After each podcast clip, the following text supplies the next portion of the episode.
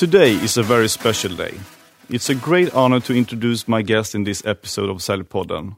Just listen to some of his resume. He's named as one of the top 10 business and management thinkers in the world.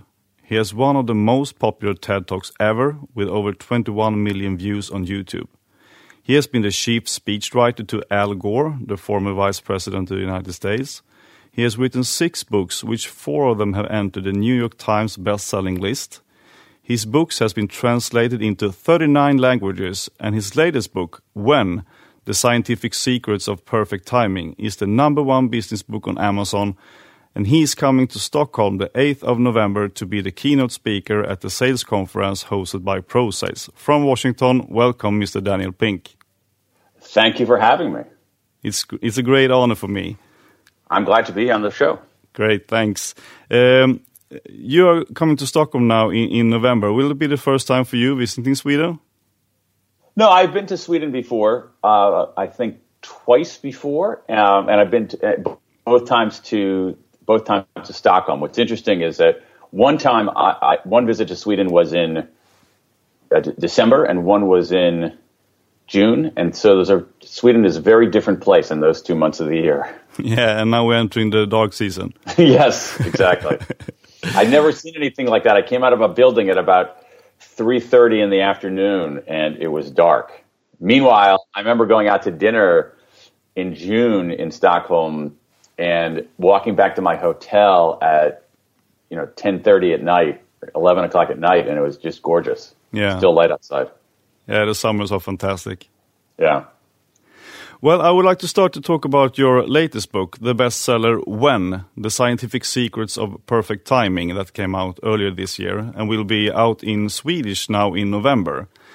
Uh, you write that we often ask ourselves the question when, like when is the best time to do different things? And the, in the book, you show that a lot of things just don't happen by chance or coincidence, but that time is, timing is uh, actually a science. So, what is perfect timing? Well, I don't know if there's a single perfect timing, but the most important thing to consider is exactly what you just said, which is first that we make a huge number of timing decisions in our lives every single day. Uh, when should you do this kind of work? When should you do another kind of work? When should you take a break? Uh, even more broadly, when should you start a project? When should you stop a project that's not working? Uh, and throughout our lifetimes, we're making all kinds of these, these, decisions. And we tend to make these decisions based on intuition, based on guesswork, often just based on default. And that's the wrong way to do it. Uh, we should be making these decisions based on science, based on evidence, based on data, because over the last 20 years or so, what's emerged is this science of timing. It's not in a single discipline it's spread across many, many disciplines, from economics to social psychology to you know, endocrinology to a whole field of chronobiology. And if you use, if you go wide and deep into this research across these different fields, you can piece together the evidence to make better, smarter, shrewder decisions about when to do things. Yeah. Uh, and, and so we have to start thinking of we have to start thinking of science as start thinking of timing as a science rather than a, as an art. That is, make our decisions based on evidence rather than on intuition. Yeah, exactly. And I, I mean, in the book, you you write about, uh, for example, like breaks, uh, and like taking a break. And at least here in Sweden, the coffee breaks are more or less scheduled, thirty-minute breaks, normally at nine thirty a.m. and two thirty p.m. every day on many work workplaces. But instead of just drinking coffee and talk with coworkers, you introduce this new scientific way of resting, and it is to take a little nappuccino. well, uh, yes, that, that's one option. I mean, actually, I think that Swedish culture is a little bit ahead of other cultures in having that kind of break. What we know about breaks is the following that uh, at a big level, breaks are part of our performance. They are not a deviation from performance.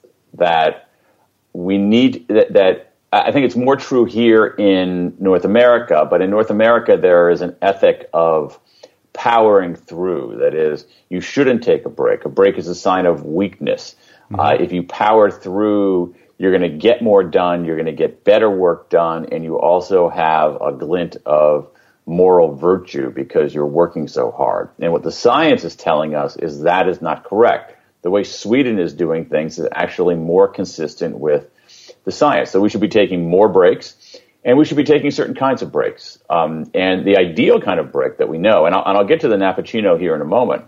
The ideal kind of break is we, we know it's design principles. So we know you're better off taking a break with other people than alone. We know you're better off taking a break where you're moving rather than when you're stationary. We know you're better off taking a break where you're outside rather than inside.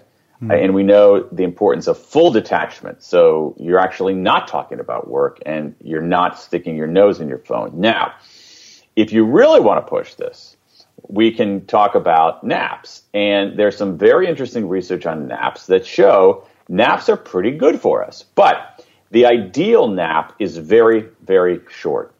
Uh, if we, the ideal nap is between about 10 and 20 minutes.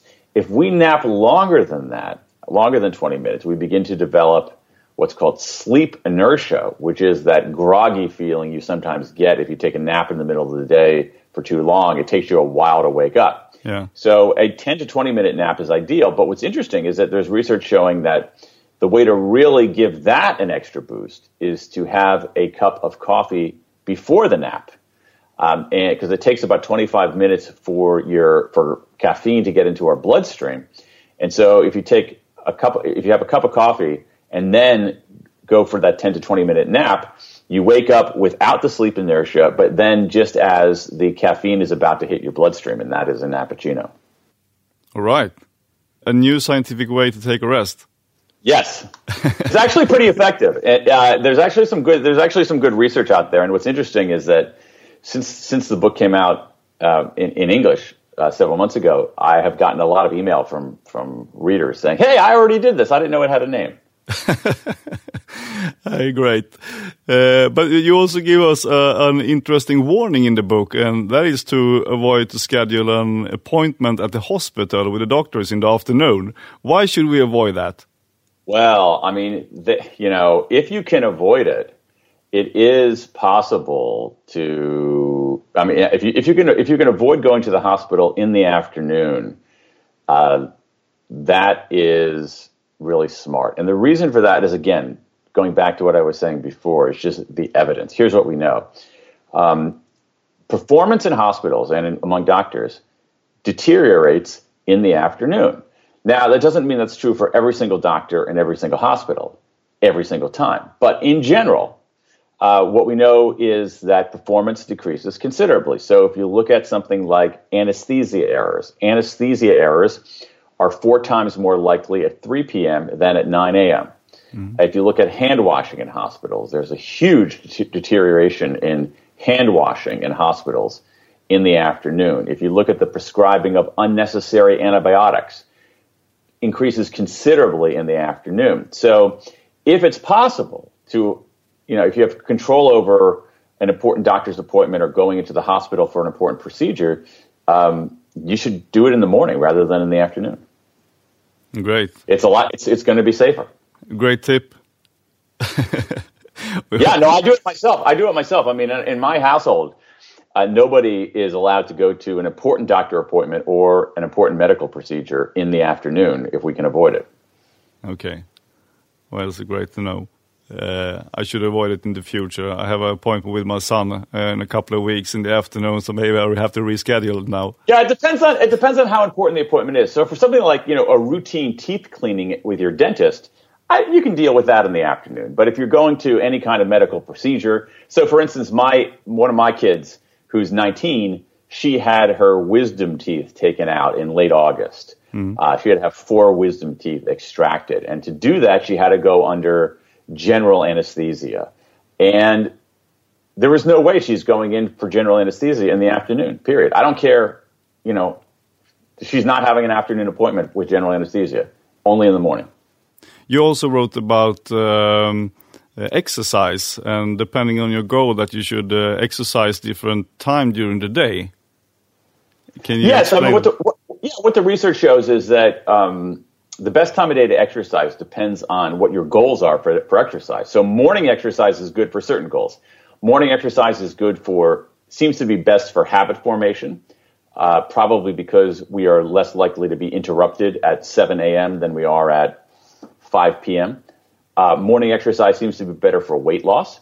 And also, um, one of the advantages of exercise is that it gives you a mood, it boosts your mood pretty, for a pretty long time, say for 10 hours. And so, if you exercise in the morning, you get that mood boost throughout the day.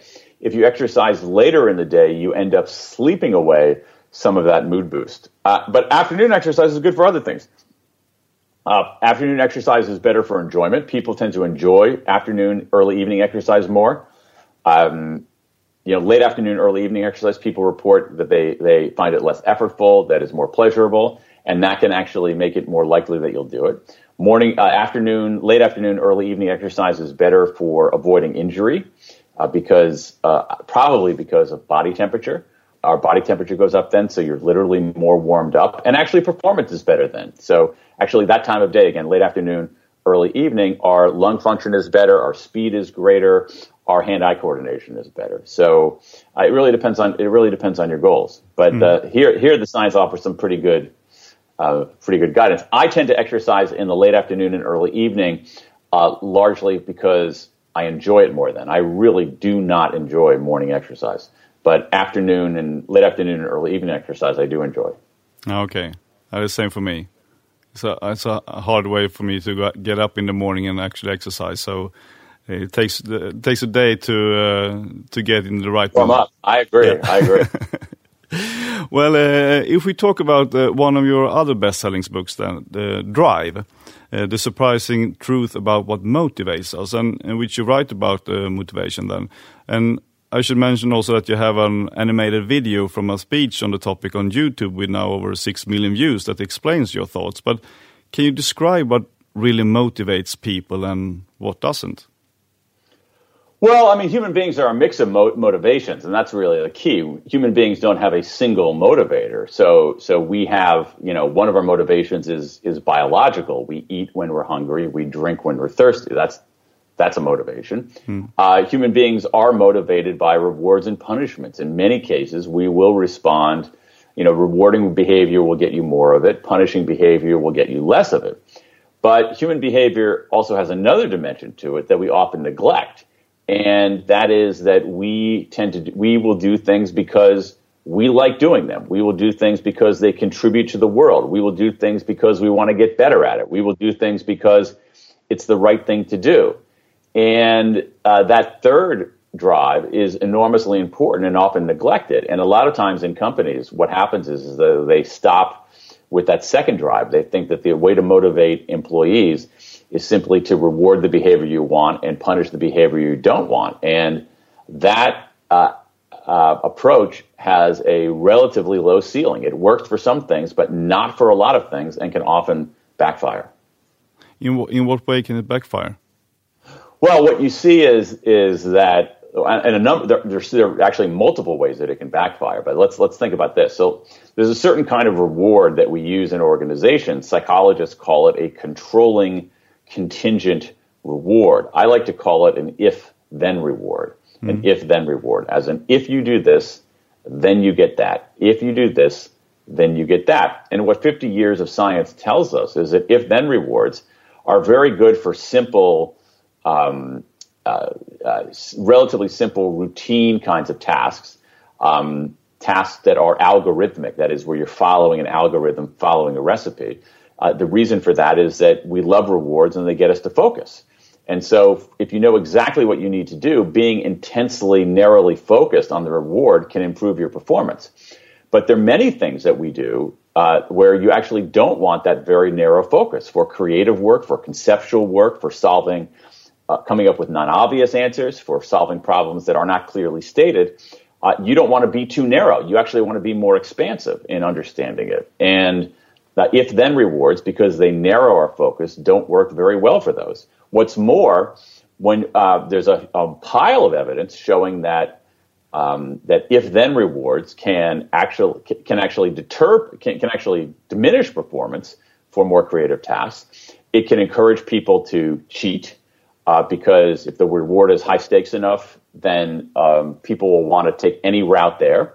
Uh, Uh, at the same time, uh, if then rewards can can can actually suffocate and extinguish uh, intrinsic motivation. Uh, so there are a lot of downsides to those kinds of rewards. Uh, but do you think that in the business world and that the kind of compensation and so on is uh, is motivated by uh, the science, or uh, is it just other types of rewards that are actually not the motivators for or the drives for the for the CEOs? Well, once it, once again, there's no single best way. Mm. So again, what we have and, and, what's what's curious about some of this research on motivation is that it is it is nuanced, and so you know there are some people out, and and, and a lot of times this topic ends up uh, devolving into ideology. So people have almost a political view of it, saying uh, if then rewards are terrible all the time, or if then rewards are great all the time. And the, the reality is that it is, is more nuanced, that if then rewards are good for certain things.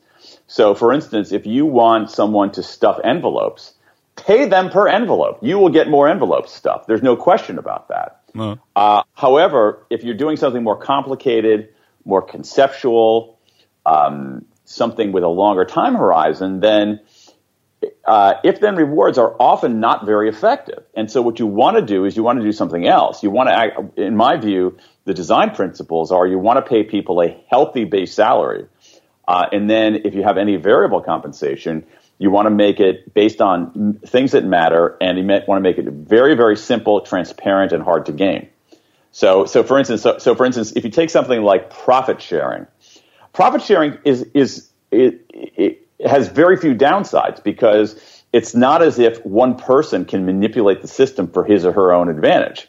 Whereas if you look at, let's say, high stakes sales commissions, um, people who have high stakes sales commissions will figure out whatever they need to do to get the most commission for themselves. Not because they're bad people, but because they're human beings. That's what I would do. Hmm. And so, and so what we have here is this mistaken belief.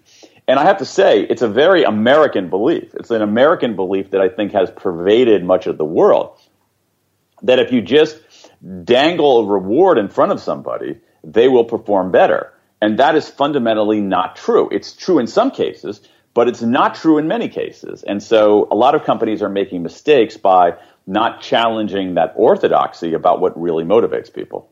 Okay, but how should it be um, set up instead then, in order to make it more uh, uh, equal to to the workers? And uh, because now it's the the CEO's salary is like 50, 60, or seventy times higher than. Oh yeah, yeah, yeah, and that's a, that's in some ways, to my mind, that's in some ways a separate issue.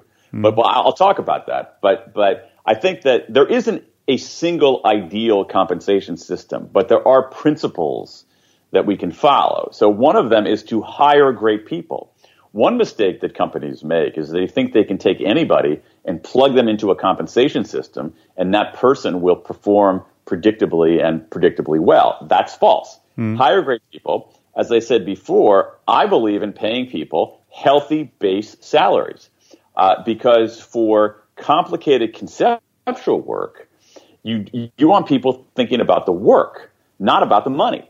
Um, and so one way to get them to think about the work is to take the issue of money off the table. Now, in terms of variable comp, I think there's room for it, but it has to be uh, simple, as I said before. So you don't want to set up an elaborate system to administer and monitor and adjudicate the compensation system. And so it has to be relatively simple and it has to be on things that actually matter. Um, and so, but but again, what, what I'm I'm not saying that everybody should be paid the same. They shouldn't. Everybody should be paid fairly. But some people are actually better than others and contribute more, and those people should be should should be should definitely get more money. But I think we have to get past this notion that human beings are basically just horses, and if you give them if you if you dangle the right kind of carrots or threaten them with certain sticks, they will respond as as you expect them to, and that's just that that that goes against 50 years of behavioral science, and I, I think for most people, when they start scrutinizing it, it goes against their lived experience in organizations. Yeah, but speaking about motivation, then what motivates you?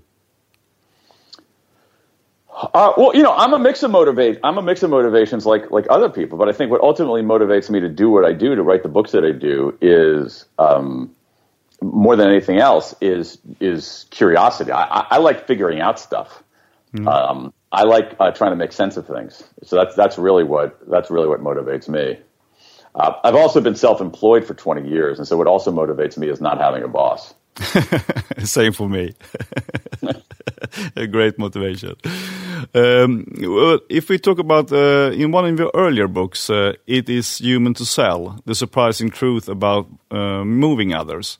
You give yeah. a different perspective on selling, and a lot of people that I meet say that that they don't like sales or salespeople, yeah. and that they don't could ever never work in within sales. But it would be lovely to tell them that it is human to sell. So why is it human to sell? Well, I think it's become more human to sell, and I think that's for two reasons. First, if you look at what people do on the job every day, they are selling, whether they are a salesperson or not. Uh, they are selling, persuading, influencing, convincing other people. So you're a boss, you're trying to get your employees to do things differently or do different things. You are an employee and you're trying to get your boss to uh, take a different approach. Mm. Um, so people are spending a lot of time on the job, persuading, convincing, influencing. Um, the other thing, though, is that today we're doing it in a remade world. That is one reason that a lot of people don't like. One reason that sales, I think, has a bad reputation is that most of what we know about sales has come from a world of information asymmetry, where the seller always had more information than the buyer. When the seller has more information than the buyer, the seller can rip you off. Um, and, and, and so that's what this is why we've had the principle of buyer beware. Buyers have to beware because sellers have more information. But what's remarkable in the last very short span of time is that um, the information asymmetry that defined the sales relationship has begun to disappear. And so, in a world where there isn't there's less and less information asymmetry in a world that is moving toward information parity. Um, uh, you ha- you actually have to be a decent human being in order to sell effectively. Yeah, but but but in which way do you think that the the sales are going then eh, when it comes to uh, um, how a salespeople or a sales representative should behave? Uh, well, first of all, I don't think that. So I, I, think that the old way of selling, which is the, at least the stereotypically old way of selling, is to is high pressure, pushy, concealing information. I don't think that works anymore because your prospect can get a huge amount of information, has a lot of choices, and a lot of ways to talk back. I think the way to do it effectively is to actually be attuned to that person's needs, to understand their perspective, to serve them effectively, and to and to use a and to rely on a very different set of skills. If you look at like business to business sales, I think in many cases business to business sales are a form of management consulting. That is, if you're a business to business salesperson, you have to go into a business, know that business inside and out, anticipate what problems that business is facing, and then come in with come in with some um, elegant solutions. So I, I think that what, what's happened in a world where transactional sales can be done online and where information is widely available is that the skills necessary to succeed in sales have become much, much, much more sophisticated. Yeah. And I also saw that you have a, a different perspective on the old uh, ABC, always be closing. Right. Well, that's the old way of, of doing things. You know, yeah. high pressure, uh, coercive. Uh, but what what we see now, if you look at the research on how people how how people can persuade effectively, is that the personal qualities that are necessary are a new set of ABCs. They are attu- a attunement, which is can you take someone else's perspective? Can you get out of your own head into someone else's head? Yeah. B buoyancy, which is can you stay afloat in an ocean of rejection? One reason people don't like selling is that they get rejected a lot. They get rejected a heck of a lot. Yeah. And human beings don't love rejection, but there's some things that we can do built on science that can help us deal with rejection more effectively. And finally, there is clarity. That is, that's the C. Uh, you know, in the old world, uh, you had an advantage if you had access to information that nobody else had. But today, everybody has access to that information. And so that doesn't give you an edge. What gives you an edge is being able to curate that information. And so, um, and so it's these set of, of personal qualities, attunement, buoyancy, and clarity that, that make somebody effective at sales. Yeah. And, um, I, I think that a lot of people think that you need to be an extrovert to succeed in sales, but you explain why extroverts don't make the best pe- salespeople. Well, that's a that's a great that's a great point. It's another myth about sales. That is, once again, we can go to the science to look at what makes someone effective at selling, persuading, and influencing. And some of that science confirms our beliefs. Some of it disconfirms it. And what the evidence shows pretty clearly is that strong extroverts are not especially good at selling. Um, but but actually, strong introverts are even a little worse.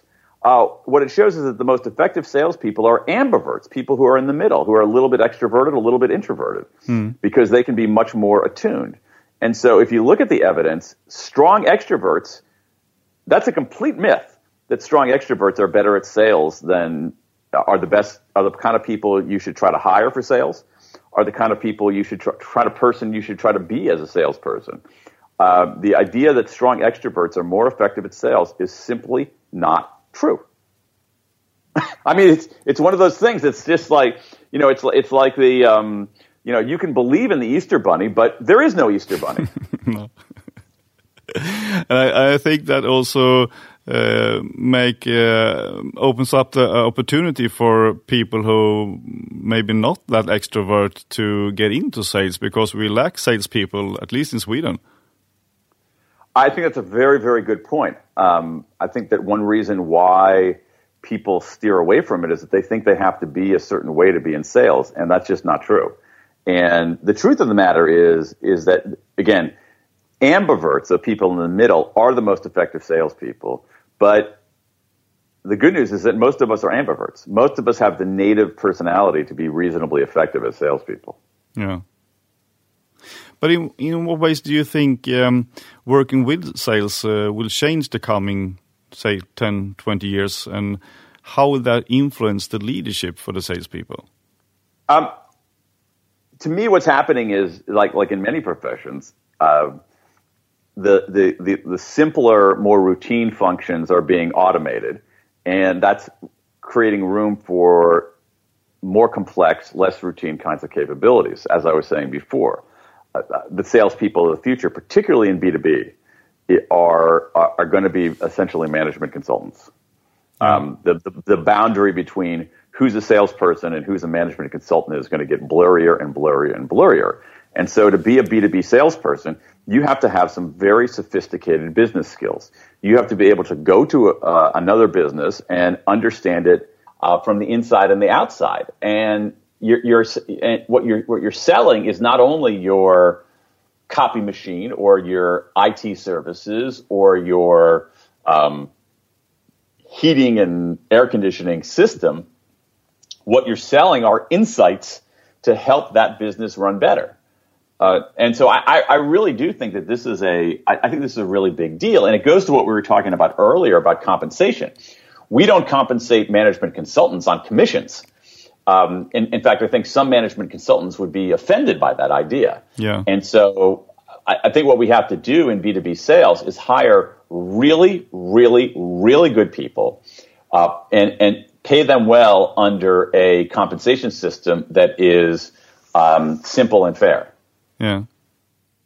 We often talk about um, the different perspective uh, in sales as well nowadays uh, to get from the earlier the inside out perspective and be more and more from the outside and in. What are your thoughts about that? Absolutely, I, I, I agree. I agree. I, I, think it requires just a sophisticated 360 degree understanding of businesses.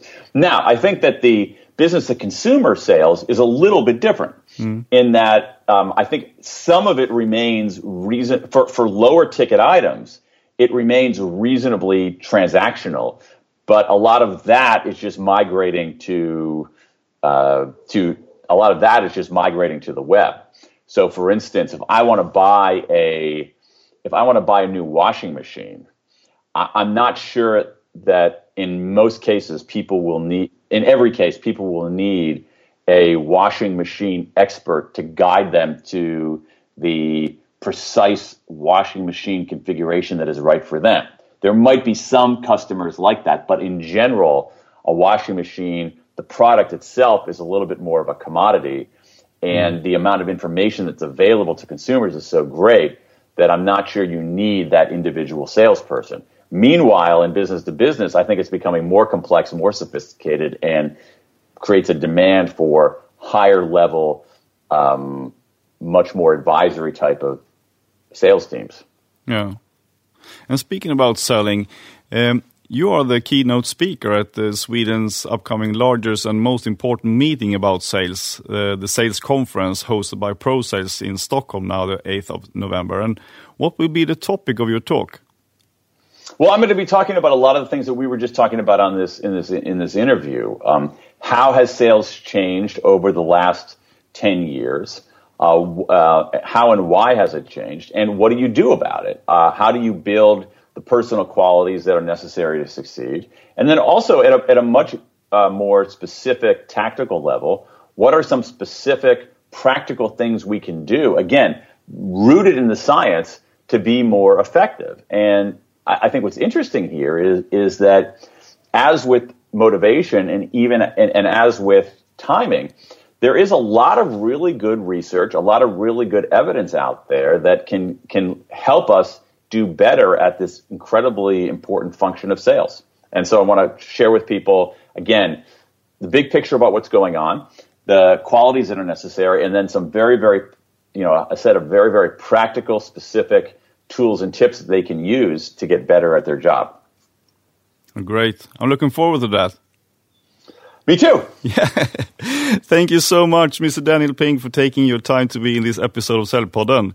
It's been a, a, totally honor to talk to you, and I'm really looking forward to listen to you in the 8th of November on the sales conference in Stockholm. Thanks. Thanks for the great interview. I'm looking forward to being in Stockholm next month. Thank you so much. Have a nice weekend now.